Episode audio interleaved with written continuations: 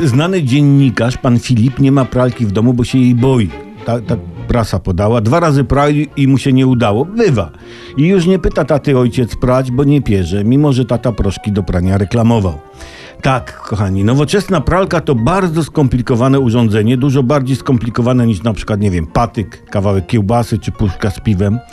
Dawniej kobiety waliły kijem po gaciach nad rzeką, po prześcieradłach, koszulach i, i, i było i komu to przeszkadzało. Teraz nowoczesna pralka ma więcej programów niż, niż najbardziej wypasiony pakiet telewizji satelitarnej. No nie ogarniesz męskim rozumkiem. Pralka dla mężczyzny powinna mieć jak w PRL-u telewizja, dwa programy. Działa? Nie działa.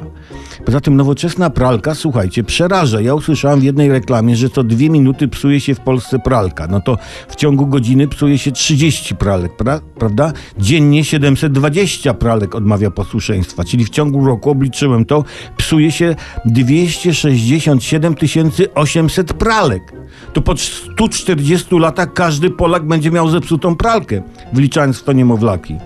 Koleżanka powiedziała kiedyś Skowronowi, nastaw na drugi kwiatuszek i pies spokojnie wszystko i działało. Tak było. No, zatem nastawmy chłopaki pralkę na drugi kwiatuszek, a jak ktoś nie ma to na cokolwiek i pierzmy spokojnie.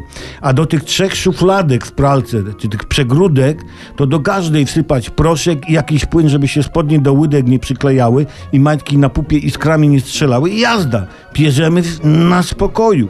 Tak. No chyba, że się nie uda, nie? No to, to co? No, no to wtedy ręcznie w wannie i tyle.